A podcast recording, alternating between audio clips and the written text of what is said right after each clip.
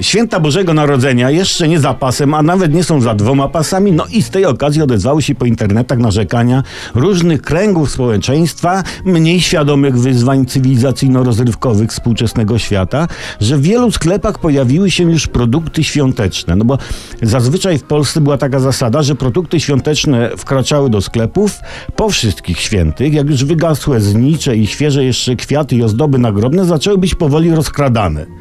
No jak są rozkładane, to jest widomy znak, że czas zacząć sezon świąteczny.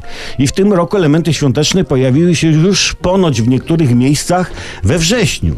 No i część osób trochę się burzy, że obok zniczy szczerzą zęby Mikołaje. A, a przecież w obecnej dobie rozwoju cywilizacji ze świętami jest troszkę tak jak z płciami. Nakładają się na siebie. nie są jednoznaczne, prawda? Następuje w temacie świąt taki postmodernizm, czyli mieszanie stylów, mieszanie świąt. No, cóż szkodzi, żeby zapalić na grobie Mikołaja, nie?